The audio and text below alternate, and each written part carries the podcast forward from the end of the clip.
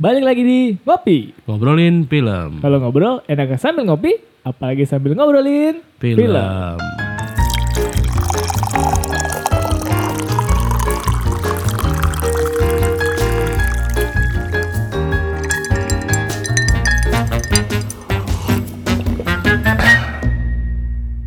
Oke, balik lagi di ngopi. Ngobrolin film. Nah, Ya, sepi amat nih, sepi. Biasanya rame ya. Ngopi. Nah, itu dia, itu dia. gue nunggu itu tuh. Ya, memang Gian yang gak bisa kehilangan jargon itu. Gue udah diem tuh Anda tadi kan. membangunkan naga yang sudah tidur. Gue tadi lagi nge-stop video dulu tadi. Oke, kita kenalan dulu kali. Oke. Oke. Ada siapa aja di sini? Bersama saya Gian Karna. Dan Karena- saya Drupalim. Saya Aldi Sadewa. Saya Tommy Man. Loh, kok kenapa kita menggunakan nama-nama Toko wayang. Sebenarnya tokoh kisah Mahabharata ya dan Ramayana ya. Iya. Hmm. betul? Wayang kan itu media ceritanya, nggak ada di nggak ada di tempat lain soalnya kan. Iya, karena Kenapa, kita mau membahas film superhero Indonesia terbaru yang berjudul Satria Dewa Gatot Kaca. Ha ha ha. Harus ketawa ya belakangnya. Harus ketawa. biar kayak biar kayak yang wayang gitu. Oke, mungkin kita perdengarkan dulu trailernya. Ha.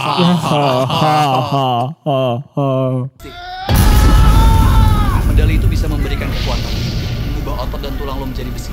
Kalau emang bener ini warisan artinya lo punya gen spesial. Gatot kaca.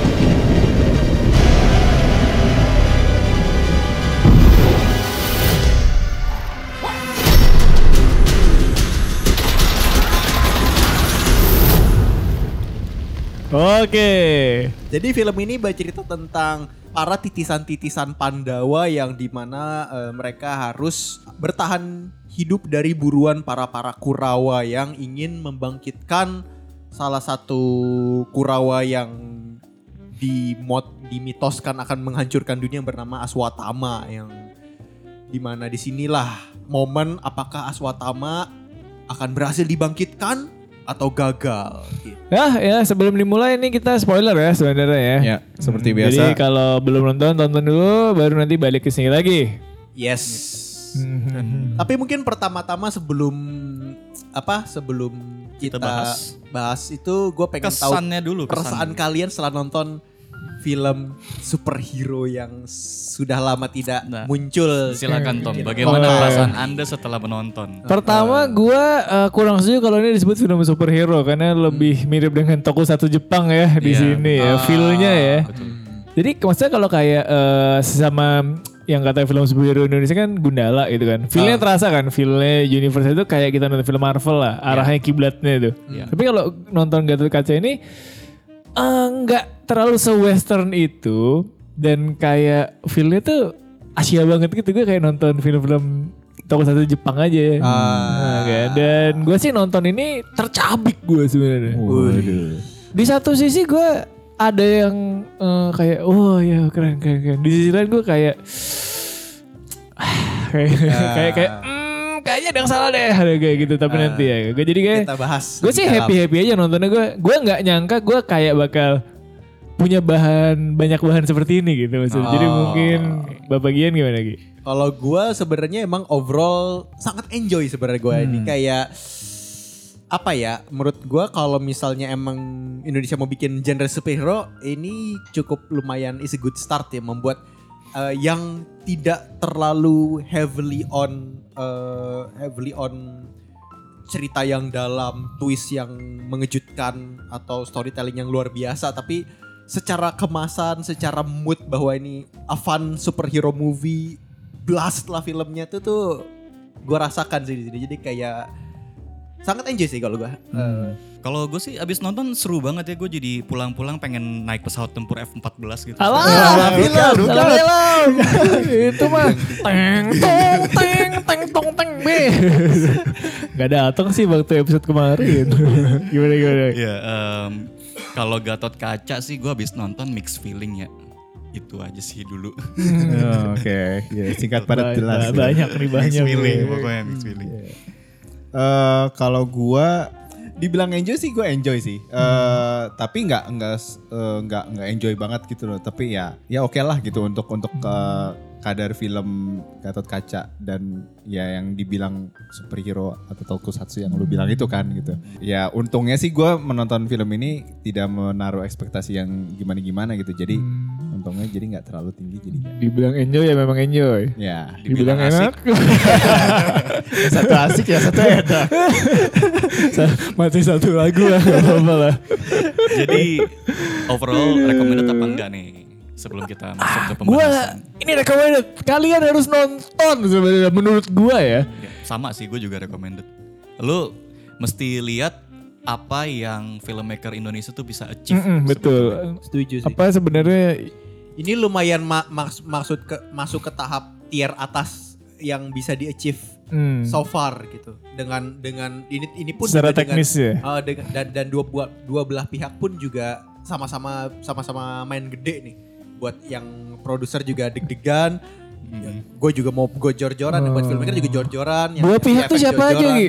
Hmm? Dua pihak tuh siapa aja? emang? Maksudnya biasanya kan kalau film kan eh, kadang-kadang suka agak eh, beda-beda ini kan, beda objektif kan filmmaker sama yang ngeluarin duit kan. Hmm. Itu agak agak satu agak satu punya aim yang sama nih, aim gede yang sama, eksperimen either eh, we go big atau we Oh, bro. hard ya gitu. Oh, recommended sih nonton nonton di bioskop aja gitu karena lu bisa melihat eh, kayak tadi yang udah dibilang juga apa namanya eh, peningkatan kualitas kalau menurut gue secara teknis dari dari dari perfilman Indonesia gitu Ya, jadi kita kayak semacam dapat eh, bayangan ke depannya nih film-film Yes. Indonesia tuh bisa kayak apa ya, benar benar. potensinya. Oke, apa yang kita suka dari film Gatot Kaca ini? Jelas gue suka eksplorasi ceritanya kalau gue sih. Karena dia mengemas sebuah cerita yang sudah populer ribuan tahun ini Iya. di di mancanegara.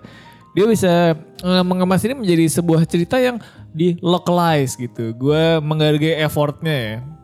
Walaupun memang untuk dia tuh sangat berusaha kita paham, tapi membuat kita tidak paham film ini sebenarnya. You think you know ya? iya kayak kayak semua tuh semua info dimasukin. Ini pusaka ini, ini kota ini, dia siapa, dia kenapa, ini ngapain. Hmm. Tapi karena terlalu convoluted sebenarnya, buat beberapa orang tuh nggak bisa dicerna dengan mudah. Tapi gue effort dengan mereka tuh kayak percaya dengan eh, s- story mereka. Iya. Namun storytellingnya memang agak tersendat gitu di sini. Gue suka. Iya, iya. Pertama gue suka eh, adaptasinya mereka ya Hmm. gue suka efeknya jelas di sini kayak kayak wah top notch gimana sih lu kebiasaan diliatin uh, sinema sinema Indosiar Hmm. satu lu bisa bisa ngelihat uh, money shot money shot mereka terbang berantem Betul. yang kayak eh, CGI itu kan yang susah itu ngebikin kita believe bahwa Ya. itu pukulan nyampe segala macam kan Benar. tapi di- dengan efeknya dengan dengan sound efeknya segala macam lo bisa ngerasa bahwa tiap pukulan Gatot Kaca saat mereka berantem sambil terbang Memang itu beneran emang- keras. memang keras Itu setuju banget. Itu tuh satu yang kayak Gitu kan. menurut gua in some level itu cukup bisa ditandingin sama kayaknya uh, beberapa film yang let's say film luar pun juga Hmm. ada kadang nggak nggak agak nggak kecif nih yang pukulan impact sepowerful itu yang kayak gue dengar juga kayak renyah renyah terus udah gitu kayak gimana kalau mereka nanti udah tahu how to make it secara keseluruhan Sebelum biar bener-bener, lebih uh, smooth lagi kan. uh, uh, udah dapat semua teknologinya terus bikin gas Kayak itu kurang kurang mocapnya aja itu kan kelihatan Iya. masih 3D model digerakin kan. Iya. Uh, uh, uh. Setuju tuh itu itu juga salah satu yang mungkin kalau disambungin tuh juga salah satu yang gua suka sih. Sound dan impact dan kayak uh, Special effect special effectnya uh, dan sama mungkin apa ya ngejelasinnya mungkin gua suka kayak ini tuh sebenarnya nunjukin tokoh-tokohnya untuk di dalam adegan fighting se- sequence-nya tuh gua suka banget sih yang kayak keseruannya tuh dapat gitu di adegan actionnya. Hmm. itu yang bikin akhirnya gue ngerasa kayak untuk film eh, yang temanya gini superhero ada berantem. Gue jadi kayak ngerasa nuansa pas zaman dulu gue nonton Mortal Kombat filmnya Mortal Kombat tuh yang kayak Yang pertama. yang pertama yang si, Yang bukan Kolyang. bukan yang yang yang Liu Kang yang, yang Liu Kang Yang Liu Kangnya encek-encek ya. iya iya gitu Mereka naik roller coaster bentuk roda ya. Heeh, dan kayak gue gua entah kenapa malah kalau misalnya Tommy bilang ngerasa deketnya sama Tokusatsu, gue malah ngerasanya deketnya nih si Gotot Kaca ini sama film Mortal Kombat gitu kayak ada Hmm. ada sosok dunia yang di, di dikemasnya Oh, sama iya, iya, iya, eh, betul, apa betul, betul. set yang underworld yang kayak Hmm. itu terus gitu kayak ada sosok dua kayak Scorpion Sub Zero-nya lah itu gitu. kayak kayak markasnya Rita Repulsa kan. Iya benar. Di tempat lain gitu ini justru, kan. Justru setuju sih gue merasa ini mirip Power Ranger vibe-nya kan. Hmm, Nah, hmm. tapi em, balik lagi ke mungkin ke apa yang kita konsum waktu kita kecil kayak Hmm. mungkin gue sama Tommy nontonnya Tokusatsu, lu Ya. nontonnya Mortal Kombat. Berarti film ini berhasil menyentuh sisi, Sisi masa sisi ya. masa kecil. Iya iya benar Bahwa ini benar, emang benar, benar, benar. iya ini target marketnya benar Iya, iya. sebenarnya ya. Tapi tapi mungkin salah si ya, campiness superhero actionnya sih gue suka sih di sini. Kalau gue serak ya, jadi kayak, wah oke gue akan ada adegan pertarungan si musuhnya melayang ngeluarin beam dipentalin gitu, nggak nggak nggak yang justru gue suka ketika mereka nggak mau ah bikin realistis ah gimana biar Iya. mau grounded. nolan-nolanin ah. Eh, eh, gimana ya supaya biar keras ke sana nih eh, real superhero in the real world gitu. Tapi grounded gitu ya. Uh, nih gue mau ada meteor jatuh, Gatot kaca mukul bikin kayak rudal meledak gitu ke bawah. Itu kayak itu menurut gue kayak dan dan dan achieve gitu. Gue kayak wow gitu. Iya, gue gue ngerasa mereka eh, rela untuk give in film ini tuh sesuai dengan genre-nya gitu. Yes yes. Kayak, Ya yes. udah gue aturan mainnya di sini udah. Uh-uh. Iya. Sama setnya gue suka sih set dan lokasinya. Terutama yang di outdoor. Gue malah lebih gue ya, gue lebih suka yang indoor mainan lighting artnya gue suka banget sih. Gue ini artnya jempolan banget deh di sini tuh nggak Iya, ada nggak ada yang semacam kayak cuma triplek dipilok gitu kan. Iya, ini iya. kayak Hah. real semua perintilannya gue pikir bahkan kamarnya Erlangga kayak cuma nih eh kamar tapi ternyata sesuai kan sama karakternya kan. Iya. Oh, ada bukunya banyak, ada piala, ada figura segala macam, markasnya keren banget gimmicknya di bawah toko antik maka bisa punya pusaka. Itu logik-logik kayak gitu. Sinematografinya wah ganteng banget dah. Kamar kos-kosannya si Yuda aja gue suka tuh yang ada beer gardennya di jendela tuh. Iya, iya. Iya kan? Apalagi waktu itu short film Tokopedia-nya tuh, itu kan bagus banget tuh. Itu bagus. Ini kan lampu merah, genangan air, sisa hijau semua. Iya, outdoor yang terutama malam sih. Itu bagus-bagus kayak ala-ala Blade Runner gitu. Iya, Neon sign kayak gitu. kayak Temen John, Nana. kayak John Wick ya. Mungkin maunya dibikin kayak John Wick gitu, neon-neon gitu kali ya. Gue tahu tuh betapa susahnya lu ngebikin kostum yang dari ibaratnya busa hati sama apa leather gitu lo bikin jadi kelihatan keras. Iya. Tapi gue gue suka mereka tuh nggak achieve itu apalagi waktu cuma baru partial doang berubah yang waktu yang buckler eh buckler lagi bracer di tangan doang tuh. Iya. Itu kayak legit legit nggak kayak bengkok bengkok busa hati murah gitu kan itu kayak kayak Nggak- nggak oke kayak- nih nggak kayak indie costume maker gitu maksudnya kan ya. Tapi tapi emang kalau kostum sih gue merasa agak selera tapi gue yang cukup amazed itu adalah ini kan kostumnya tuh eh, kalau dari sisi teknis kostumnya tuh yang gue amazed tuh adalah mereka bikin kostum yang kostum like banget tapi ajal dipakai action scene. Itu menurut gue juga salah satu achievement yang susah. Kalau dari looks wise gue cukup kaget bahwa si kostum ini tuh gue ngeliat natural sih di dunianya ini. Nggak nggak nggak jadi kayak mereka jadi nggak kayak cosplay. place ya. Eh, nggak kayak lagi mau ke Convention. convention cuman sa- sayangnya eh, mungkin beda vendor ya yang kostumnya topeng-topengnya Kurawa tuh Iya, wah iya. itu agak Iya. kurang tuh Iya, iya, iya. nggak ngefit ke muka tuh Mm-mm. Iya kan Mungkin mungkin makanya dikit-dikit dibuka kali ya biar biar Oh, detail iya. Iya, detail-detailnya. Yang topeng-topeng Pandawa juga kalau yang Hmm. ada beberapa kan yang kayak eh, ya balik lagi mungkin next time bisa better kan kelihatan lu bikin topengnya udah fully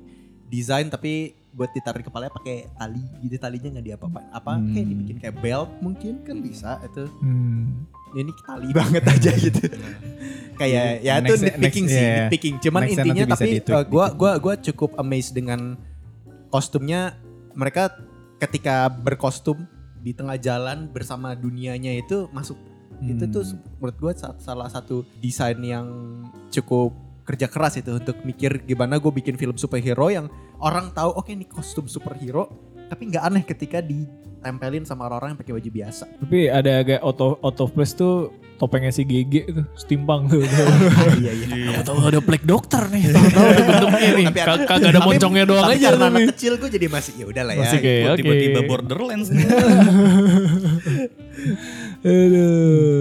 Kalau gue sih suka ini sih. eh surprisingly gue suka sama scoringnya yang eh, entah kenapa ya gue nggak expect aja ternyata bisa semegah itu dan bisa nge-build eh, scene di beberapa scene itu dan ketika fight scene juga jadi jadi lebih grande gitu eh, rasanya gitu. Jadi kayak full orkestra banget gitu karena Baru QQ.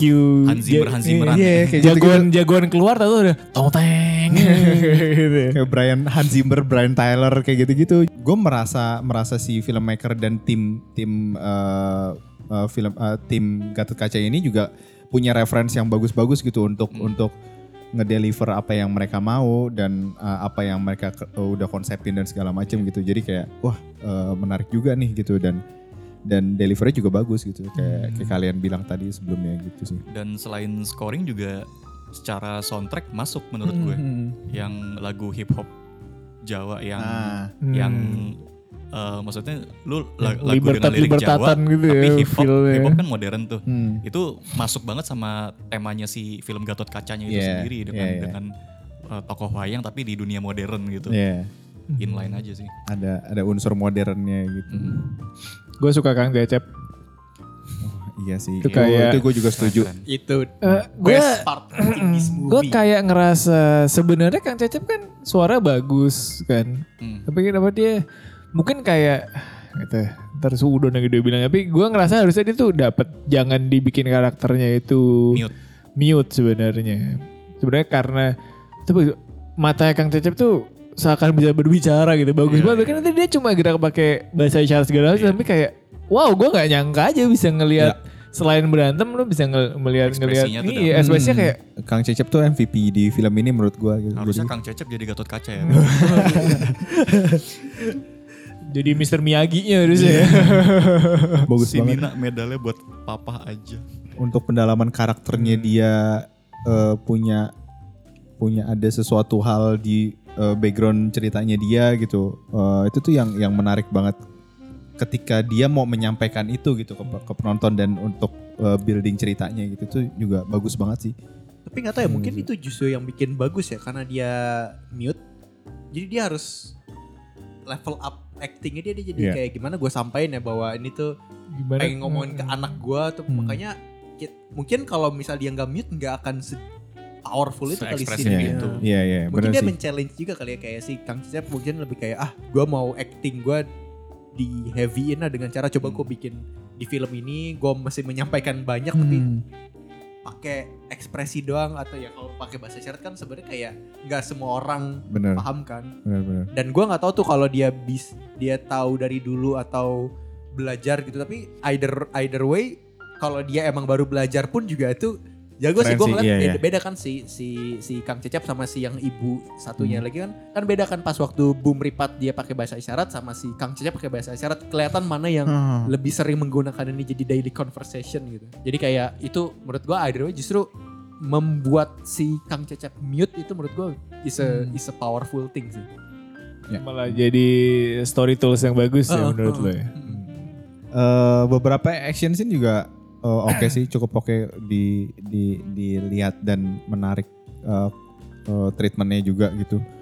Eh, walaupun nggak nggak yang wah-wah banget gitu untuk untuk skala action eh, action film gitu atau action scene gitu. Cuman apa ya eh, udah berani berani evolve aja sih dari dari beberapa beberapa tahun kebelakangan ini gitu. Jadi eh, dan dan melihat progres eh, perkembangan untuk action film gitu. Jadi oh eh, bisa toh di di expand sejauh ini gitu. Walaupun memang eh, masih belum belum sempurna gitu. Cuman eh, effortnya ada gitu untuk untuk mau Kita membuat bi- bisa lihat bahwa Hmm. sudah maksimal ya. Iya, gitu. Hmm, udah Dicampur. doing their best sesuai time frame yang diberikan gitu. Kayak, kayak tadi lu bilang Tom udah dicampur pakai 3D, campur pakai apa visual effect dan campur-campur eh, jadi udah ada campuran special effect dan visual effectnya gitu itu yang yang yang cukup oke lah gitu. Ini sebelum kita masuk ke Yang gak serak. yang gak serak, kita transisi dulu. Menurut kalian product placementnya gimana? Itu emang agak gue agak kurang setuju Itu tapi cannot be helped Iya sih, sih. Kalau maksudnya gitu. butuh butuh duit ya. Pasti sih. Dia udah berus- berusaha semaksimal mungkin biar halus sebenarnya iya, kan. iya, Iya kan. Minimal enggak nggak kayak sinetron full blown Ah, jebam gitu kan. Nggak close up- close up kayak, banget lah ya. Masih ada blurnya dikit lah. Iya. Dan nggak untungnya nggak disebut.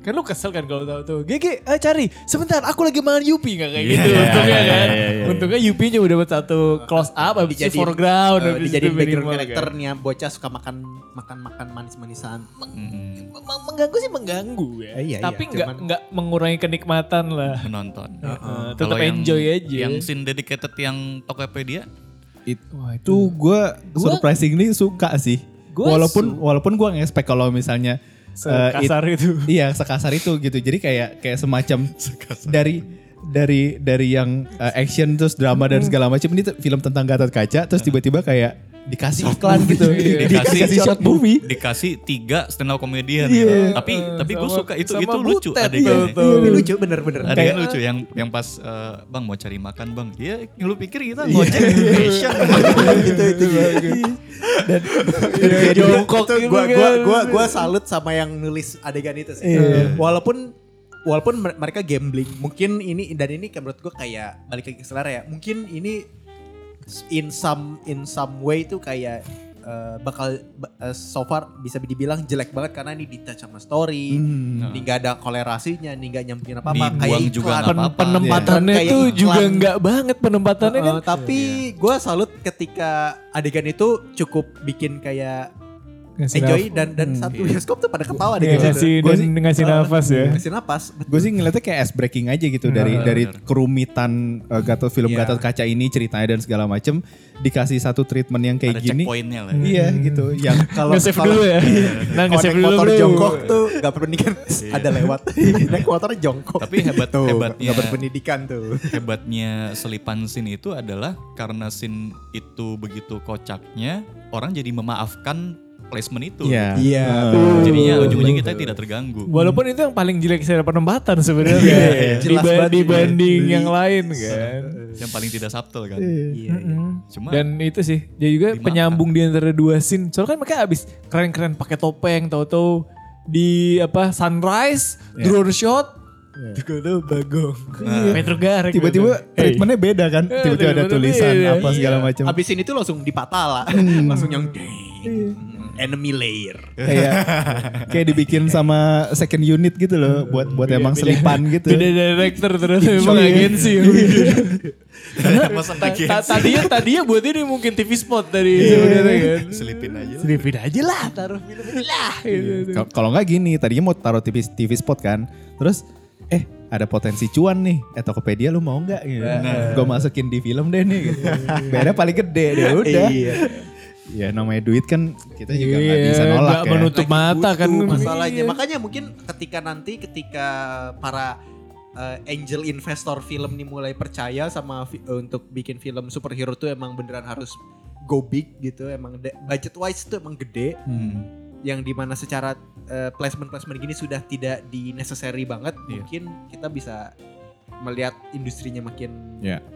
Hebat sih. Hmm. Atau Sama mungkin mungkin, eh, mungkin ke depannya placementnya udah di kostum superhero sekalian kayak Milky Man. dong. Aduh. Milky Man langsung ya. Saras 008. Eh, ada ada pets Yupi gitu. kan. Kenapa kostummu hijau? Karena aku Tokopedia. Aduh. Atau enggak dia ah, aku seperti harus menentukan identitasnya aku harus mencari kostum di Tokopedia. Tapi kalau Usaha hatinya habis, tenang ada Tokopedia. harus pakai nada gitu. Harus di in frame ya. Kalau kalian lihat tadi tangan gue ngangkat ke kamera imajiner nih. Pakai Tokopedia. Sama mungkin ada satu detail lagi yang menurut gua eh, film ini achieve. Dan sebaiknya moga-moga ini di- dipertahankan dan dipertimbangkan kalau misalnya filmmaker lokal mau bikin eh, superhero genre gitu ya harus ada permainan ini tuh kayak harus masuk ke rule book yang Ya itu. superhero entrance. Gue gue merasa ini juga berhasil di mereka bikin superhero entrance bagus. Eh, he- epic heroic gitu munculnya walau waktu even waktu munculnya si Danan Jaya yang dikasih dia kelihatan dulu lagi makan di soto eh, di di, di apa di warung terus ada- tiba-tiba ada sak ya ada masuk dia yang dengan panahnya. Terus tete superhero entrance waktu eh, Yuda mendapatkan level satunya kekuatan Gatot Kaca juga wah bagus di, di setup gitu. Itunya sih menurut gua cukup Berhasil. berhasil dan kayak iya superhero entrance juga salah satu yang bikin gua ngerasa wih ini superhero Iya. movie tuh ya. Momen-momen yang kalau tahu-tahu filmnya keluar di YouTube, ada klipnya ini ya. Heeh. Gak tuh kata transform. Iya, iya, iya, iya, Berarti bagusan ini kan kayak Mortal Kombat emang ada superhero entrance-nya. ini yang sempat juga jadi bahasan itu kayak eh, menurut gue tuh kayak malah gue merasa Gatot Kaca bisa jadi sebuah example nih. Mortal Kombat tuh harusnya begini nih how they play with the film Terus ada Rizky. Nazar. Harusnya harus- Cole yang main Rizky harus- Nazar.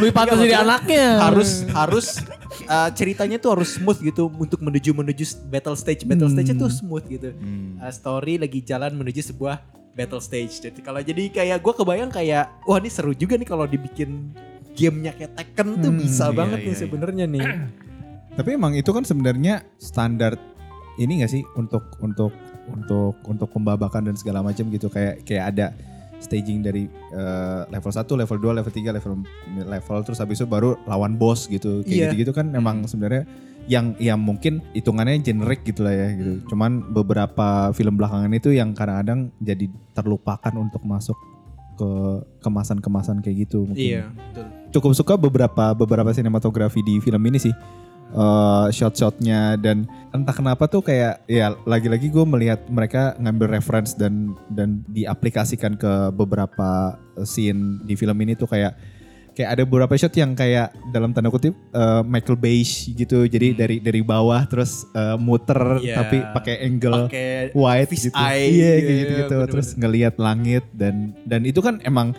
memang tujuannya emang membuat eh, karakter kita tuh kuat eh, karakter yang Powerful. ada di itu kan powerful, kuat dan segala macam kan. Dan dan itu juga terdeliver dengan baik gitu dan eh, megahnya film ini dan heroik yang kayak Gian tadi bilang juga ketika setup-setup eh, angle-angle tuh yang yang menurut gua eh, cukup bagus eh, penempatannya dan ditambah sama eh, lighting eh, penataan lightingnya juga juga oke gitu Eh, yang tadi juga di scene eh, sunset yang di tebing pantai itu juga eh, oke gitu. Dan ya unsur Meskipun gak tahu buat apa shot iya itu. eh, tapi itu unsur heroic shot aja. Iya heroic shotnya itu dapat aja gitu. Itu sih eh, yang oke untuk yang sinematografi. Last but not least nih menurut kalian komedinya gimana? Hit and miss. iya benar kalau gue sih sama Ada yang kayak tahu ya temung. Kalau kadang-kadang ada sebuah joke kita ketawa lain enggak. Tahu-tahu tahu-tahu bapak-bapak situ ketawa kita enggak. Jadi kayak Iya. menurut gue kayak shotgun aja. Kena Jadi, kena. Kena nggak kena aja tuh kena. Bos bang. Wah kenanya sebelah sana bro. Tapi gue suka sih ketika mereka menempatkan si komedinya ini bener-bener jadi part of their game gitu di dalam Hmm. di dalam cerita yang harusnya dibawa serius banget kan itu itu ceritanya sangat serius kan tentang Pandawa Tentang Kurawa kiamat kan ibaratnya. eh, terus kayak sesuatu yang emang historinya nilai historinya iya, tuh iya. kuat gitu Tapi yang jokes buah naga ketawa gue. Iya. Iya tapi iya maksudnya gue makanya eh, dan dan ya atau sesimpel yang kayak jokes yang nyembur lo tau nggak eh, eh, Nggak tahu. atau jokes yang pakai Gua baju ini nggak- nggak- gue gak tahu Yang lah. baju ini baju ketawa gue joke simbur tuh. Kalau gue yang ketawa justru yang jokes-jokes yang selintingan kayak pas lagi si- pas lagi mereka jadi crime scene itu yang disangka jadi pacaran. Yang pura-pura ngambil itu forensik. Oh, yang iya, ngambil iya, iya. sampel. gue yang susah ketawa justru yang si gue justru yang agak susah ketawa semua jokesnya yang di deliver sama Queen Ah, itu gue kayak ngerasa agak maksa Too Kalau- much ya. trying too hard trying Untuk- to be untuk menjadi M- lucu. Marvel sih. untuk menjadi comical relief Iya, gitu uh, tapi nggak kena sih di gue Justru yang lucu tuh yang kayak jokes-jokes yang grounded ya. Misalnya yang si tiba-tiba si Danan Jaya main PS, gangguin sama si Agni. Itu kan kayak hal-hal simple yang Sehari-hari banget ya uh, yang uh, relate. sehari-hari banget. Itu terus yang kayak eh nih minum ini terus kayak semua pada pada hektik tuh di Pada "Ini minuman apa nih? Terus kayak ya elah lu gitunya tuh kayak Nih gue minum nih. eh, eh, terus kayak "Aduh kan gua kenapa-napa sih kayak Tongkrongan aja gitu ya. Ah, ah, itu tuh juga salah satu yang I think part of comedy ya bisa Hmm. dibilang tapi works next segment. Yang Ah, kalian ah, tidak serak di film Yang ini. dari tadi nggak kita bahas berarti ya. Sopan banget sih nahan-nahannya. Atau yang sebenarnya sudah kita bahas tapi ada part yang kurang serak kayak misalnya set dan lokasi itu kan bagus. Tapi gue ngerasa kayak ada beberapa tempat dia tidak berusaha untuk menyeragamkan itu dengan yang sudah ada kayak misalnya yang area kampusnya itu kayak dibiarin kayak gitu aja udah nggak nggak di Nggak di set ya? se- se- se- senada dengan yang eh, neon neon lampu-lampu iya Blade Runner-nya gitu gitu. Kayak aula kampus aja gitu ya. Ah, Ah, iya. Kalau gue dari musik tadi, musiknya Aldi tuh. Karena lo kan suka kan itu grande orkestra. Menurut gue, gue malah nggak suka karena eh, secara spirit, menurut gue instrumennya salah. Menurut gue dia minimal harus udah tung tung tung tung tung tung, gitu. tradisionalnya Eh, gitu ada, ya. Ada part itu, soalnya kan nggak ada sama sekali kan. Iya, Maksudnya iya. paling nggak buat backgroundnya lah di kotanya lah. ada sih tapi tipis ada lu pas lagi musik pas lagi si Gacha Gacha Entrance tuh gamelannya ada tapi dikit Oh. Ke- ketutup sama orkestranya sih Iya, dan soalnya dari waktu berantem dari segala apa tuh gue nggak nemu. Maksudnya kan, ya lokal kan Indonesia banget kan. Menurut gue cukup agak sayang kalau lo uh, musiknya nggak nggak sekalian aja gitu loh. Pas yang di adegan Cecep sama si Pandega sama si Beceng Aha. yang eh, akhirnya mereka teleport gitu kan. Mhm. Nah, itu tuh sebenarnya ada ada ada part eh, semacam eh, The Raid 2 yang di Final Battle.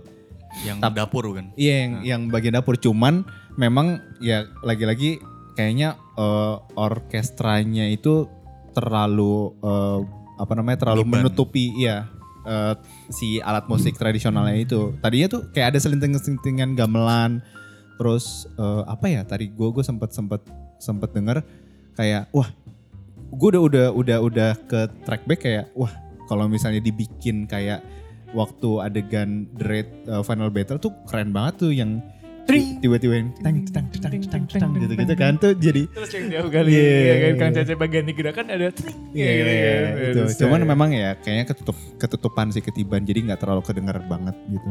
Sebenarnya poinnya menurut gue ada ada empat gue yang gue nggak suka nih. Jadi yang pertama logik cerita, kedua acting, eh, ketiga editing, keempat action. Itu ada itu empat part ini nih yang gue kayak Menyayangkan. kayak kayak aduh sayang gitu kan. Mungkin kayak- nanti kali tambahin ya. Yang pertama kenapa kenapa logik karena ada beberapa kontradiksi gitu dalam dalam cerita ini dan penyampaiannya. ya. Jadi kayak contoh-contoh ah, sepertiga film eksposisi kan isinya kan. Hmm. Dan tahu-tahu di tengah film kita uh, waktu tahu-tahu kita ketemu si Satria Dewa Project itu si Erlangga yang ngomong, tahu-tahu ada motion graphic, ada ada animasi. Iya iya. Itu taruh depan aja.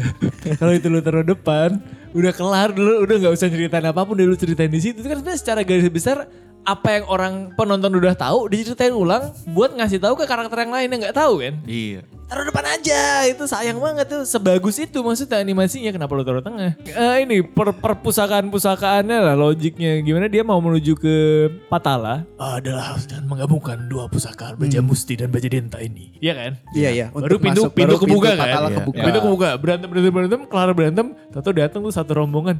Ini masuk dari mana? Hei katanya pakai dua. dia harus pakai pusaka kenapa tahu-tahu Masih- sampai situ Masih kebuka, portalnya masih sisa. kan masuk eh, tahu main ke rumah Arya eh, itu dia mana ya si Yuda ya Di area kali di area tuh.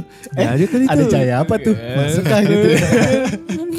dan Iya waktu iya iya. Logik-logik gitu Iya ya. logik logik yang itulah. Terus kalau dari si sisi eh, acting ada beberapa tuh yang kayak misalnya levelnya actingnya karakter yang bagus misalnya kayak misalnya kayak kan gue suka banget kan kan kayak 80 gitu misalnya Eh, tapi di ada yang underwhelming ada yang kayak powernya dia cuma di 40 ada yang over ada yang di 120 tahu-tahu powernya tuh. Ada beberapa yang overacted lah. Ya kan? Misal misalnya menurut gue si GG ini karakternya dipakai buat kayak semi semi fourth wall break kan sebenarnya kan? Breaking fourth wall sebenarnya kan di sini kan? Tapi dia dia kayak mungkin bukan nggak masuk di gue actingnya si GG tapi dia ngerasa kayak dia terlalu aware tentang hal tersebut. Jadi dia terlalu terlalu ekspresif menyampaikannya kan. Biar kayak film-film nih di sini dong geser sini dong. Nih akhirnya biar dramatis itu gue itulah salah satu lah yang editing gue nggak suka editing waktu berantem ya sebenarnya editing lain oke lah gitu kan saya sinematografi oke. Nggak bisa komplain banget tapi begitu berantem wah kacau itu berantakan banget. Sorry ya maksudnya kan sa- pada masanya kita sering bikin beberapa film action gitu misalnya dan kayak teman-teman kita kan ada si ada stunt coordinator ada kan Fami segala macam gitu. Gue ngerasa editingnya tuh ini kayak kayak film Liam Neeson. Yang di mana ini untuk eh, karakter orang tua gitu yang nggak bisa berantem lu harus mengantisipasi hal tersebut dengan cuttingnya banyak biar seakan-akan actionnya nyambung. Betul. nah di sini kan yang main sebenarnya orang muda silat. Lu udah tau contohnya banyak kita nggak perlu katu-kata yang cepet tapi mending lu eh, long shot buat ngeliatin gerakannya karena kan Benar benar. kenapa itu harus lu liatin karena lu harus tahu ada impact kan pukulannya kan Iya. Iya kan? Jadi ada ada delivery pukulan, bam, impact, ada efeknya. Kalau ini kayak wait, wait, wait, wait, oke, oke pindah close up, tahu kita pindah mukul, tahu-tahu orangnya udah jatuh. Dan itu berkali-kali dan kameranya tuh pindah-pindah terus gitu loh. Lu mau ngikutin apa? Udah tahu tempatnya gelap berantem di Underworld itu. Tahu-tahu berantemnya aneh, editannya tuh aneh. Gue nggak nyaman nontonnya. Gue mungkin ada yang suka kayak gitu kan. Kayak kalau nggak nggak mungkin itu choice direkturnya tahu-tahu ngebikin editing kayak gitu dong. Ya, tapi itu juga sebuah ini ya, sebuah apa ya bisa dibilang situasi yang sedang dihadapi sih. Kalau gue ngeliatnya tuh karena ngeliat ini karena masalah itu mungkin ini ya karena itu kan untuk bikin adegan silat yang apa silat yang believable kan sebenarnya juga agak agak But- susah untuk dibikin overnight dan dibikin eh, ketika sesimpel ketika si pemain kita mendeliver pukulan atau melakukan kuda-kuda itu bisa believable kan sebenarnya butuh enggak itu kan butuh eh, latihan dan dan apa ya constant practice yang berkali-kali kan. Kalau gue sih ngerasa mungkin mungkin ini adalah palu gadanya editing supaya dengan eh, situasi yang mungkin para pemain-pemain kita belum mastery ini tapi gue bisa bikin gue kasih cut sangat cepat seakan-akan ada sebuah pergerakan yang luar biasa kencang nih di pertarungan ini. Gue sih ngeliatnya masih gitu ya. Makanya gue jadi kayak ada beberapa kayak iya sih mungkin. Tapi agak agak agak mungkin situasinya tuh karena susah juga. Karena kalau misalnya kita mau bikin yang fighting scene terlihat akan menjadi akan menjadi uh, blowback ketika ternyata pas mereka ngedelivernya tuh kayak ya kuda-kuda lemah amat. Ya kita pukulnya jelek banget gitu jadi better gue kasih aca aca aca aca aca Uh, apa tuh Biar nggak terjadi? kelihatan. apa yang terjadi guys apa yang terjadi Pokoknya seru dah. cepet banget cepet banget cepet banget cepet banget gitu. Dan itu ada, ada gerakan yang dipercepet kan Bener. itu. Iya, iya, Kelihatan iya. kelihatan kan Ah. ada Ada ada kan. yang berasa kayak jump cut gitu gak sih? Iya. Iya, Ah, jadi ah. tiba-tiba langsung kayak tep udah Iya, Yang pas adegan mental jatuh ke Iya. tanahnya gitu kan. Iya, itu tiba-tiba jam. Iya dan directionnya juga eh, mukul ke kanan, jatuh ke kiri tuh di awal-awal tuh. Iya, adegan iya. waktu kejar-kejaran pertama agak tuh. bingung. Mm-mm. Itu kenapa tahu tuh sorry sorry. Waktu mereka kejar-kejaran di Voila Paris yang keluar di trailer kita nggak tahu itu apa itu. yang cuma dua frame keluar di trailer tuh Voila Paris apaan? Tahu kan mereka lari kan. Iya. Agni ikut lari kan pada Agni kagak dikejar ya sebenarnya. Tadi dia lari paling depan. Latah aja latah. Tahu-tahu dikejar, tahu-tahu jadi bisa bela diri kayak biar dah Gak apa-apa sih ya bisa beda diri juga gak apa-apa sih tapi kayak gak ada penjelasan aja jadi kan Ya, terlihat kayak hime gitu kan kayak putri Mungkin bela banget diri itu kan. dari si bapaknya gitu ngelatih dari kecil. Kalau gue sih nangkepnya gitu ya. Bapaknya tuh tahun dua- 2006 meteor jatuh dia kan ditembak tuh ya kan. Di saat itu si Yuda ya masih kecil berarti di momen itu si Agni juga masih sekecil Yuda kan. Emang. Iya. Berarti dia berlatihan sendiri setelah itu 16 tahun. Eh, enggak hire orang, bapaknya kan hire. Cukup deh. Dia hire, hire guru Wing Chun. iya iya gak apa-apa. Tapi mungkin kalau misalnya ya mungkin dikejar karena kan panda, kan si Agni kan juga Pandawa kan mungkin kan oh, Udah ketahuan. Ada gennya. Mungkin Tapi kan Pandawa. mereka nggak tahu kalau itu Pandawa siapa karena nggak punya pusaka Nah. kaca pembesar yang dipunyai si GG itu kan, makanya dicolong. Itu itu akhirnya pusaka ke mana pusaka itu? Udah gak tahu. Iya ya. Dicolong beceng lu ke mana pusaka yang hilang ya? Udah dibawa beceng aja. Nah, si Beceng juga lupa taruh mana. Ya mati si becengnya gimana nih? Kok masih hidup? salah orang. Ay, salah orang. Ada sinang hilang tuh gue yakin tuh. Karena itu kayak jumping banget yang tahu-tahu mereka tim forensik, tahu-tahu Zohrinya ada Zohri mati nih. Tiba-tiba ada penjelasan. ya. Tahu-tahu ada penjelasan, lo sadar gak sih kalau dia itu mirip sama lo? Tahu-tahu beceknya di markas salah orang. itu pasti sebenarnya ada ada satu scene di mana di mana si becek itu kayak menghabisi orang yang lagi jogging itu, yang mukanya mirip. Satu satu Itu scene itu di di replace sama scene Tokopedia kan. kayak ah gak bisa acting nih jadi Zohri gitu kali ya.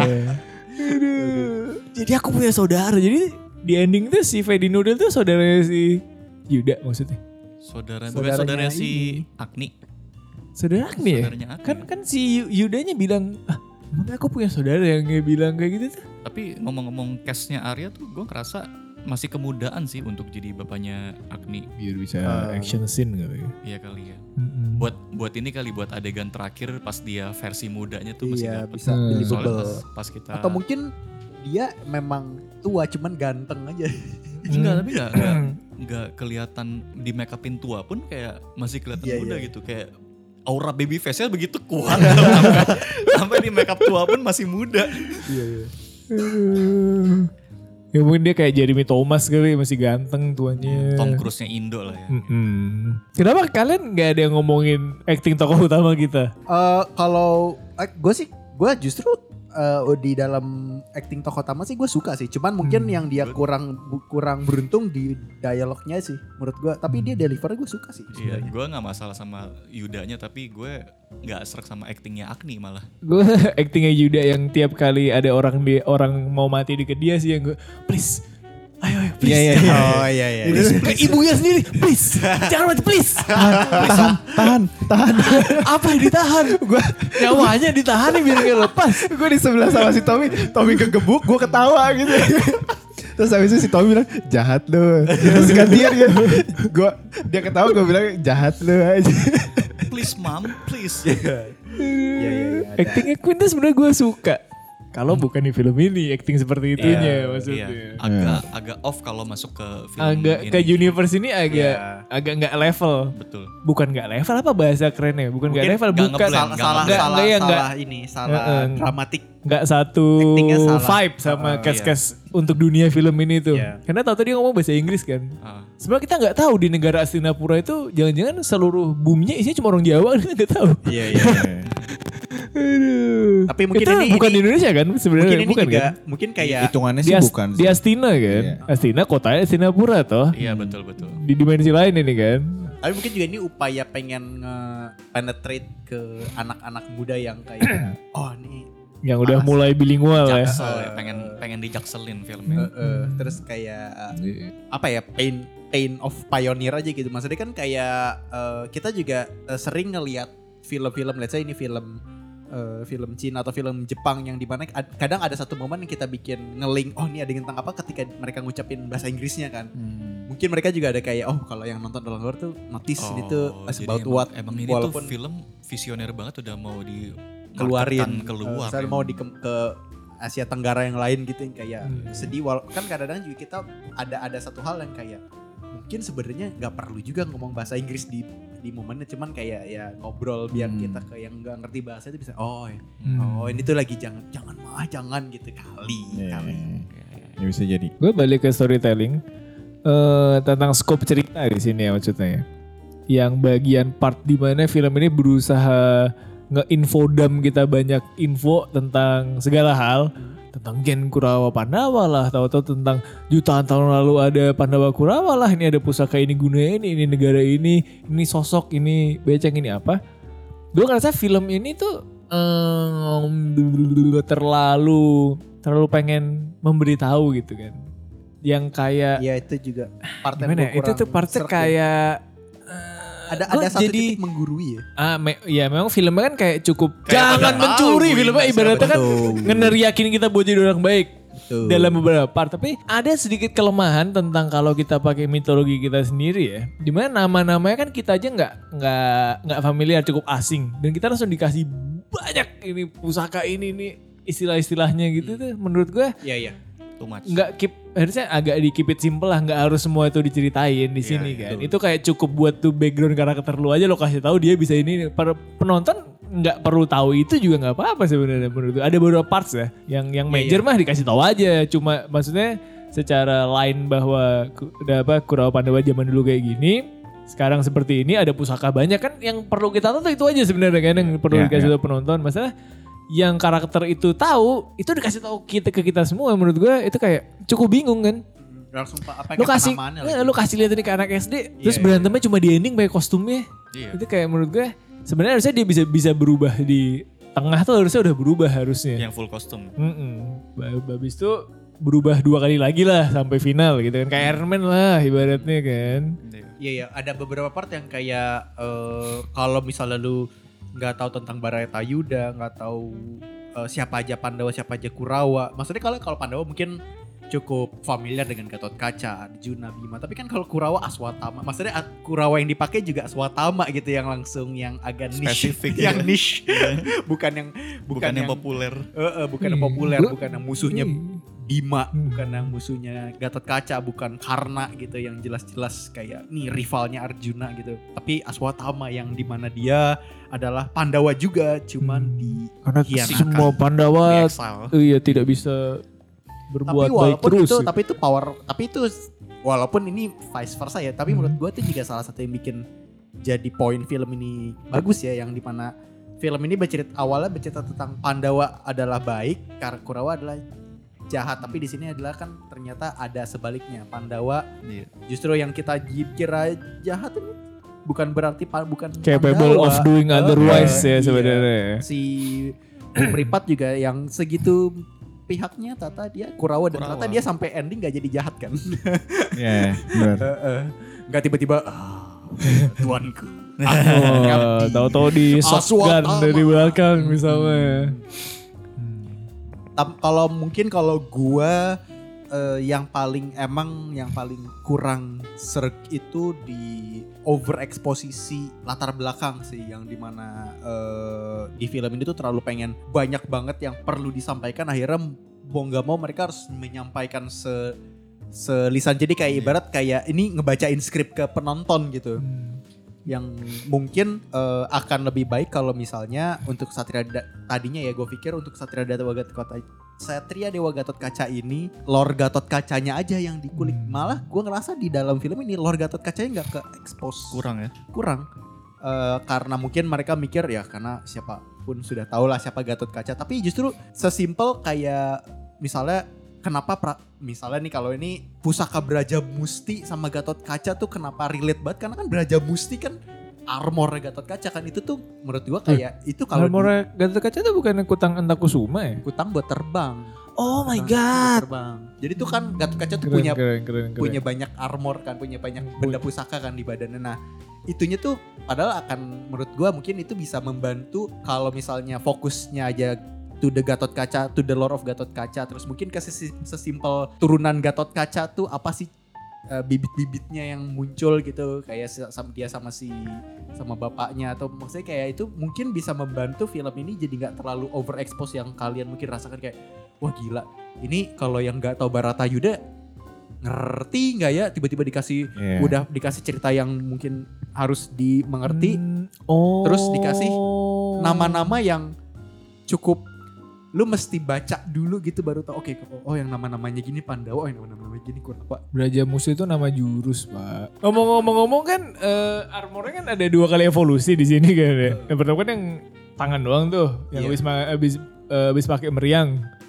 Tapi berarti powernya itu kayak ajian rawa rontek ya itu buat buat kebal berarti yang pertama ya kebal ya. belum belum punya damage ya baru armor ya. iya. Begitu tuh, tuh, Debus. defense defense plus Debus. 100 gitu begitu begitu full baru kayak wah udah full nih semua stat gue deh Aduh gue sangat yakin tuh di skripnya terus kayak di apa footnote segala macam sih pasti sangat keren tuh sebenarnya lore-lore-nya tuh sayang. Iya iya. Sayang. Mungkin kalau misalnya itu kayak production bible apa sih udah kayak keren banget Hmm. my best my best kurang serok tapi bisa jadi notes buat feedback cerita ini itu sih akan lebih gua mungkin akan lebih eh, Seneng. kalau misalnya emang fokusnya benar-benar to the Kaca lore yang itu itu kalau dari situ pun pasti udah bakal banyak banget juga sih. Hmm. Gitu. Menurut gue karakternya terlalu, terlalu banyak sih temennya dia tuh ini kan kalau memang ini mau dibuat sebagai eh, series yang banyak ya itu karakter dam sebanyak itu juga agak percuma kan. Karena toh Tuh, kenapa nggak satu-satu? Iya maksudnya karakternya si Bu Meripat, GG sama si Omar Daniel, Danan Jaya. si Danan Jaya itu bisa sebagai satu orang saja sebenarnya di situ. Yang emang gunanya gunanya sebagai mentor, gunanya sebagai, Sebagai medik. Mm, medik, sebagai teman saat combat kan sebenarnya kan. Nah, sisanya tuh bisa bisa dipirit karakter-karakter lain kan buat jadi temennya. Padahal kalau di film itu cuma sama Danan Jaya and then Mm-mm. and then si Agni sama si Yuda tuh notice bahwa ada asosiasi Heeh, kalau Si asosiasi Pandawa pelindung ini- Pandawa itu ditaruh di belakang. itu bakal Ba- iya kan, semacam kayak eh ternyata kita ada banyak bro, jangan sotoy lu. ternyata ini gitu semua kan. oke lu bisa gabung grup kita apa itu oke. Kayaknya siluet Tahu-tahu begitu musuhnya kalah, tahu HP bunyi ting. Wah, invitation ke grup kita bro. HP bunyi masuk ke HP WhatsApp ya. bunyi masuk grup grup WhatsApp. Apa nih? Grup WhatsApp Satria Dewa. Hei, gatal kaca ya bro, misalnya gitu kan. Final battle-nya agak bingung sih sebetulnya. Terutama yang pas eh, tiba-tiba full armor terus terbang Mm-mm.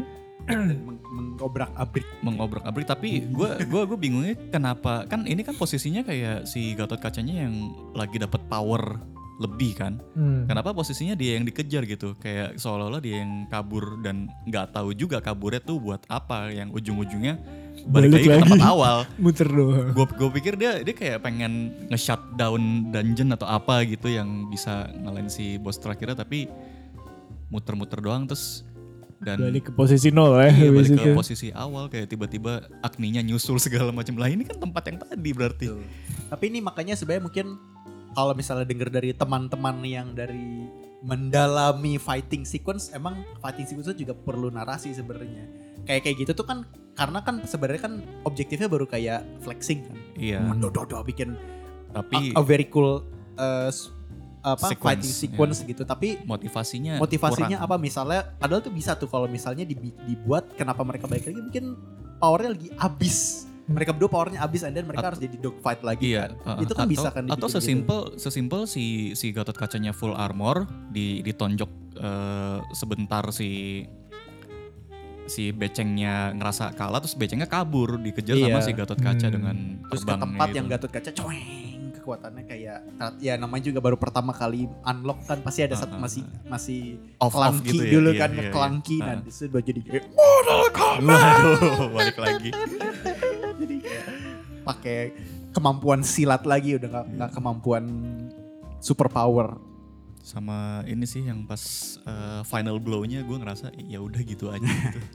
yang dipanah Iya kurang kurang kurang klimat kurang klimat. Gua gua pikir dia bakal sebagai Pandawa ya. Kan di awal film waktu di kamarnya si Erlangga dia bilang kan bahwa pokoknya poinnya adalah semua kejahatan manusia bisa selesai dengan dengan cinta dan kebijaksanaan. Bilang gitu sih Gatot Kaca Iya, kan. iya. Gua pikir saat si Dananjaya itu diberi pilihan buat ngebunuh si Beceng atau enggak dia bakal Maafin. memakai cinta dan kebijaksanaannya dengan Un- tidak membunuh si Beceng. Namun naas tetap dibunuh. Hats! Udah lupa gue Udah peribahasanya. lupa bodoh dengan darah dingin gue panah gitu kan. Balas dendam ternyata menang. Karena ternyata memang Dananjaya tuh pembunuh pak semua dibunuh dari awal film tuh dipanas semua sampai mati tapi itu. tapi ini Keangkuhan kalau misalnya manungsa. gua nit nitpicking ya tapi itu justru malah yang gua suka malah justru itu poinnya bahwa di sini bahwa Pandawa can be ruthless Iya. can be violent Iya, bisa maksudnya- juga mengambil nyawa mengambil Pandawa. tidak hanya Iya. memberi tapi juga mem- Hmm. Heeh. Ya maksudnya paling nggak Gatot Kaca kan tahu kan. Iya. Si Agni juga sudah membaca Setidaknya kitab ada itu usaha. setiap hari. Iya setiap hari. Namun loh. dia tidak bisa menyadarkan temannya dan memberi dia hidayah. Buat apa? tapi kan udah ada planting Iya, tuh tapi kan si Agni lagi masuk angin dia. Kan, itu juga si si Danijaya kan udah planting waktu si kemampuan Gatot Kacanya dia kan udah agak short temper kan. Iya. Cuman mungkin karakter dia yang short tempernya tuh kurang keluar. Jadi ketika dia short temper di, di scene yang dia dibutuhkan untuk kayak gitu jadi nggak kena. Tapi gua tapi kalau gue sih ngeliatnya itu lebih kayak oke inti di sini inilah ya ya Pandawa bisa juga ngebunuh dan dengan atas dasar sederhana balas dendam. Betul, So, betul. si si Dananjaya itu awalnya kenapa dia mau ngemanah si Yuda waktu pertama kali dia berubah Henshin part 1 itu ya? Dia mau mau ngetes ini kali Iya. powernya. tes powernya atau takut Soalnya ngeledakin kan si soal- candinya Doa kan Enggak si si si Yuda, si si si Danannya kan sangat yakin sama kemampuan pusakanya itu kan. Jadi dia Uh-uh. pengen pengen nunjukin ke grupnya itu kayak ini beneran kok kekuatan Sebenarnya gabungan." Danang Jaya tuh kalau dikulik juga jadi karakter yang menarik loh. Tadinya gue kira motivasi dia si Danang Jaya itu pengen mana si Yuda. Gue kira kayak dia kan sebagai karakter yang mem- memiliki pilihan untuk memakai pusakanya. Tapi kan Danang Jaya kan dia kayak kayak Hawkeye kan. Dia tuh nge-refuse untuk pakai pusaka jadi super power kan. Mungkin Nah, dia gue nggak percaya, gue malah Uh, bilang kayak gitu kan. Iya, Danjaya. mungkin si Dan Jaya akan jauh lebih superhuman archer gitu ketika dia pakai pusaka si eh, si anak panahnya cuman gak pernah dipakai jadi kayak ada satu hal yang kita mungkin secara subtle dibikin gak notice eh ini sepanjang film ini Dan Jaya tuh bukan superhuman loh. Tapi dia emang pakai skill dia jago manah gitu. Justru di, ada satu momen itu ditekankan kayak lu kali ini lawan Kurawa Brain gak mau pakai pusaka? Enggak ah gak percaya gitu-gitu. Itu padahal kalau dikulik menurut gue bisa jadi karakter yang menarik yang di mana tuh antinya si Yuda Hmm. yang di mana Yuda pengen banget kan mau Iya, ngegebuk butuh. si Ith, apa Nathan aja mau gebuk pakai kasihan mau Iya. digebuk pakai pusaka Gatot kaca aduh Ngomong-ngomong soal Nathan itu menjadi salah satu ketidakserekan gue juga gitu. Oh tahu gue nih. Sikat Iya. deh. Nama namanya sudah ke wayang-wayangan nih semua nih Yuda, Agni segala macam tiba-tiba nyelip satu Nathan. Nggak ngeblend aja sih buat gue. Iya kalau kalau dari gue sih beberapa direction ke pemainnya sih yang yang eh, ada beberapa yang menurut gue agak mungkin hampir sama kayak Tommy gitu. Ada ada beberapa yang powernya terlalu terlalu terlalu tinggi dan dan kayaknya nggak nggak masuk aja gitu dan nggak kayaknya nggak harus kayak gini deh gitu untuk terlalu atau berasanya terlalu lebay atau segala macam jadinya agak agak cringe gitu ketika ngelihat hmm, kok kayak gini ya? gitu. Kok kayak gini ya? ketika dia ber eh, bereaksi terhadap sesuatu gitu. Ketika satu karakter bereaksi terhadap sesuatu, ketika satu perkumpulan bereaksi gitu, terus eh, jadinya eh, gua sebagai penonton tuh jadi agak eh, agak kok gini ya, ya kayak gitu-gitu sih. Eh, ada beberapa part-part yang yang menurut gua eh, jadi kayak kurang aja sih di situ gitu. Eh, ya contohnya ngambil ngambil contoh tadi si Tommy udah udah udah sempat spill sih yang kayak beberapa adegan matinya eh, meninggalnya si eh, Arimbi itu eh, yang pas di dicek gitu kan. Aneh aja gitu eh, kayak lu nggak di brief secara detail eh, ketika ketika ada si Arimbi yang mati terus Yuda eh, ke ibunya dan segala macem kayak kehabisan dialog aja sih gitu di, di- dalam satu sequence itu. Terus Pandega si Pandega meninggal juga sama gitu. Jadi ke- keulang lagi adegan adegan yang anehnya itu menurut gua gitu. Jadi itu yang yang jadi bikin gua kurang serak sih di bagian editing sih eh, sama kayak Tommy. Selain action scene yang tadi Tommy udah udah udah bahas ada beberapa beberapa adegan tuh yang gua nggak tahu karena mungkin terlalu banyak stock shotnya dalam satu satu sequence atau dalam satu scene gitu. Jadi potongannya tuh cepet banget gitu. Jadi kayak mungkin kayak pergantian setiap 10 second atau 5 second tuh udah langsung ganti drone shot ganti detail shot ganti wide wide shot dan segala macam. Padahal gue gue ngeliatnya tuh jadi jadi mubazir gitu shotnya gitu. Nggak nggak efektif lah gitu untuk dalam satu sequence itu atau dalam satu scene atau dalam satu adegan itu eh, tiba-tiba gue ngeliat sekitar ada 2 sampai 3 shot langsung tek, tek gitu. Hmm, nggak nggak nggak secepat itu cuman kayak lumayan gitu kayak adegan contohnya adegan ketika di si Yuda Agni sama si Queen datang ke yang apa namanya jembatan itu tuh. Oh. Yang dia habis baru nyampe terus habis itu jalan kan dan segala macam. Itu kan shot long shot ada gitu. Terus habis itu ada drone shot dari atas uh, high angle shot gitu. Uh, terus habis itu ada uh, full shotnya juga terus habis itu ada medium shot dari masing-masingnya juga ada gitu itu, itu tuh yang yang tiba-tiba sequence-nya itu tuh menurut gua terlalu mubazir gitu uh, main untuk dipakai semua ya Iya, iya semuanya dipakai gitu. Eh iya pakai seperlunya aja kalau menurut gua sih. Keren. Dan adegan dia ngambil eh, eh, totemnya yang dari di bawah itu Dari yang- hari-hari. Ah, Iya, dari hari-hari itu kan juga banyak kan eh, dari bawah gitu kan yang kayak semacam dari GoPro-nya Yang apalah kayak gitu. POV alam kubur kan. Iya gitu. Terus eh, group shot, terus ada detail shot, ada ini juga itu terlalu terlalu banyak menurut gue. Jadi mm, Capek nontonnya. Iya capek dan gue sebagai penonton jadi nggak fluid gitu ketika dalam satu satu sequence kayak meyakinkan gue kalau itu lagi dalam keadaan di situ gitu. Kayak gitu sih. Itu sih sebenarnya sih. Mungkin kayak saat di draft satu editing mungkin itu offline nih. Saat, wah ini bagus nih efektif shotnya nih. Tahu produsernya masuk. Mau lihat dong editannya. Ah mana ini kemarin ada drone shot nih masuk. Iya sih, iya sih. Iya, Udah iya, iya. mahal-mahal. Eh, itu mahal-mahal Faktor, ngumpul ya. kamera kok nggak masuk masukin gitu deh, siapa tahu ya. Tahu tahu tahu ini kok nggak ada nggak ada shot close up-nya ya si ini Yasmin ini kok nggak ada Yasmin nggak ada. Tapi ngomong si Queen ya, dia tuh karakter yang paling pinter di film ini. Karena Di saat ada bahaya dia menjauh itu orang waras lakukan. Kalau lu di jembatan lu nggak tahu apa-apa, dengar suara senapan lu kabur Balik. bener.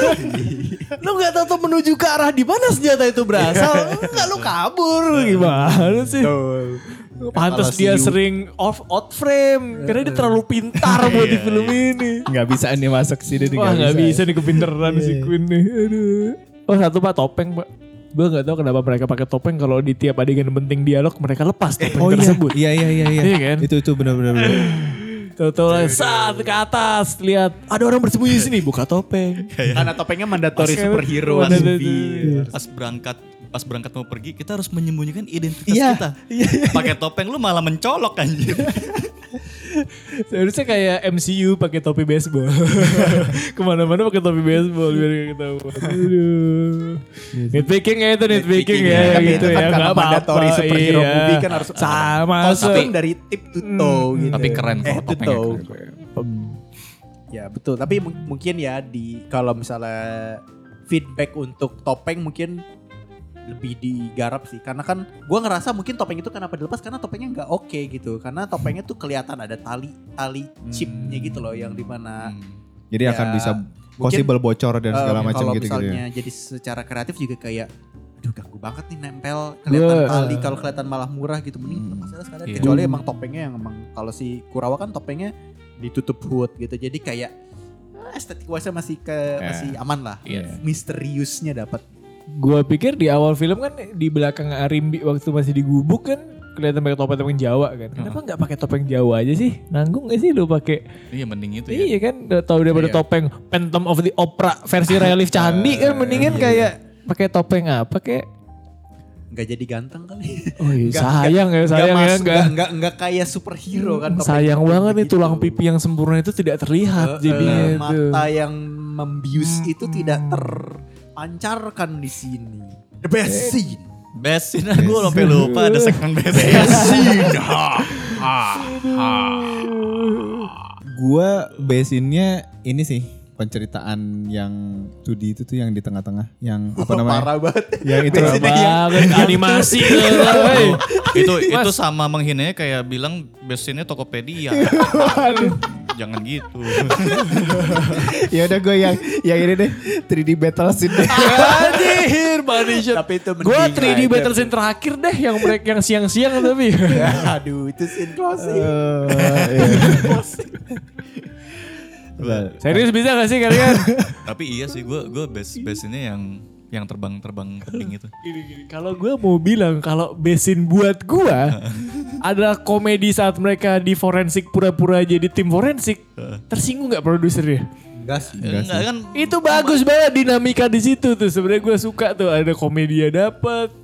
Kayak eh, dinamika mereka sebagai tim tuh kelihatan kan tuh kerja sama tim kan. Tahu tapi si memajukan alurnya dapet. Mm-mm, dananya cabut ada komedinya.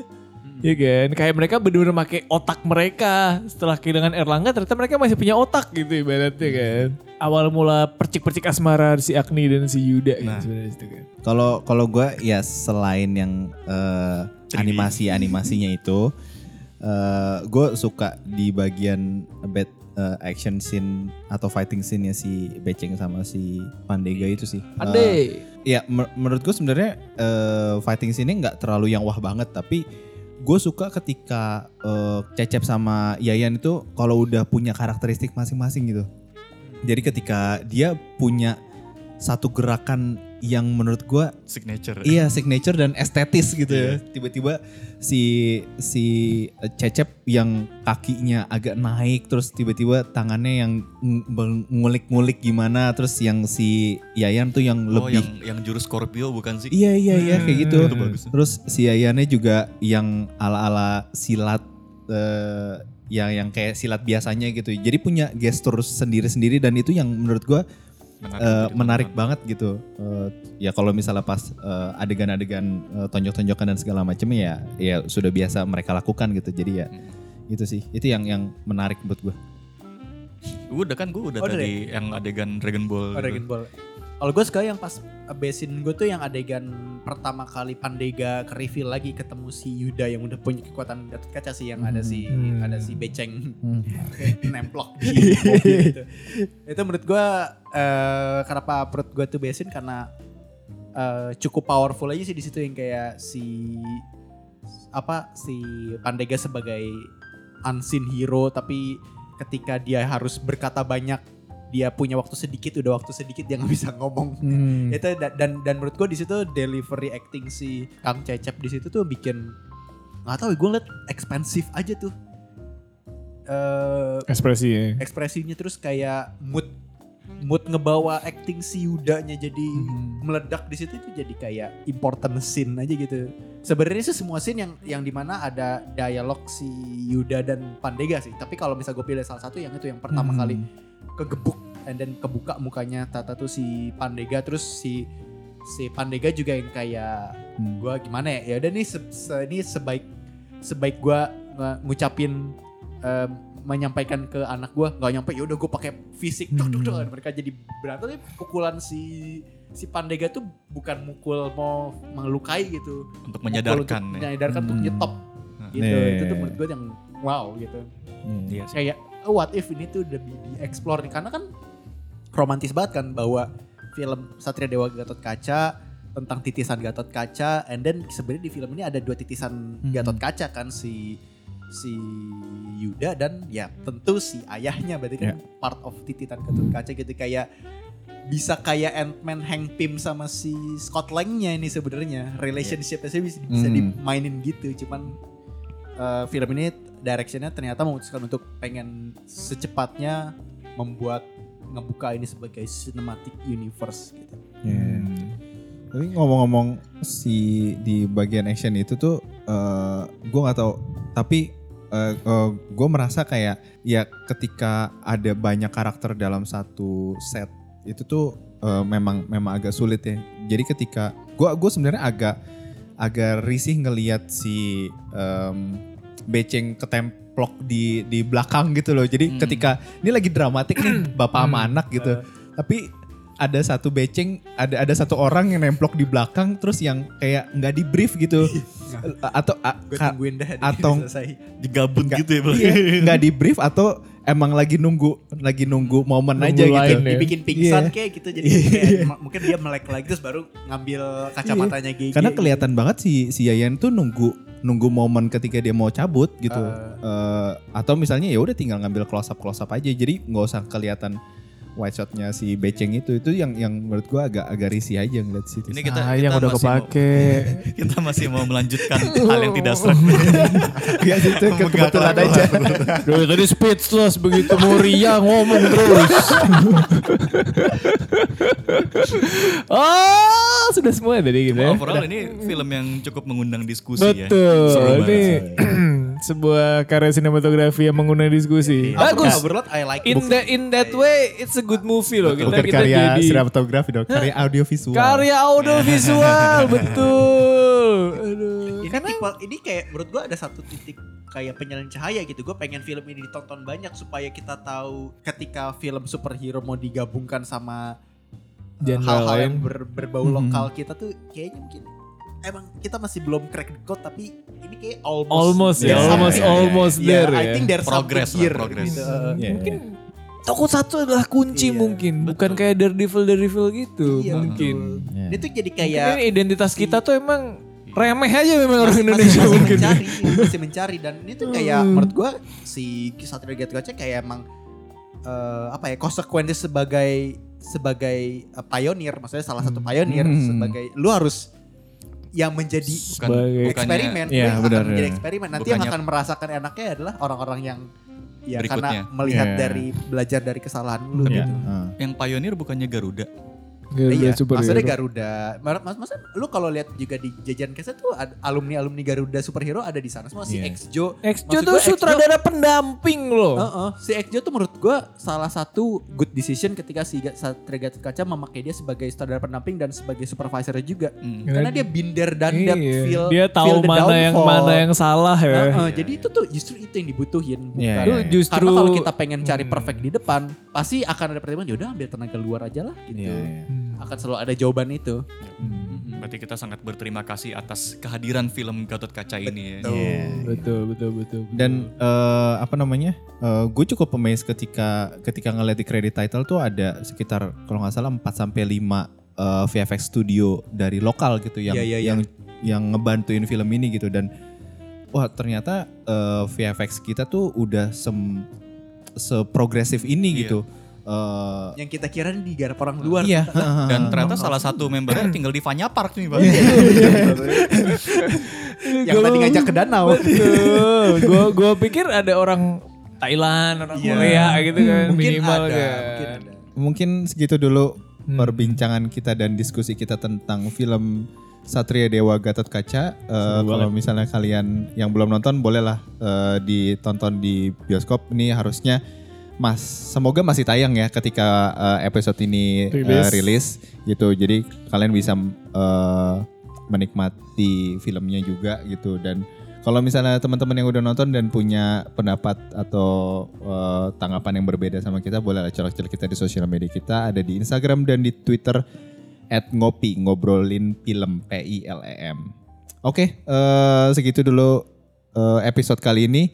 Terima kasih teman-teman yang udah mendengarkan sampai habis eh, episodenya. Eh, sampai jumpa di episode berikutnya. Dadah. Dadah, bye-bye.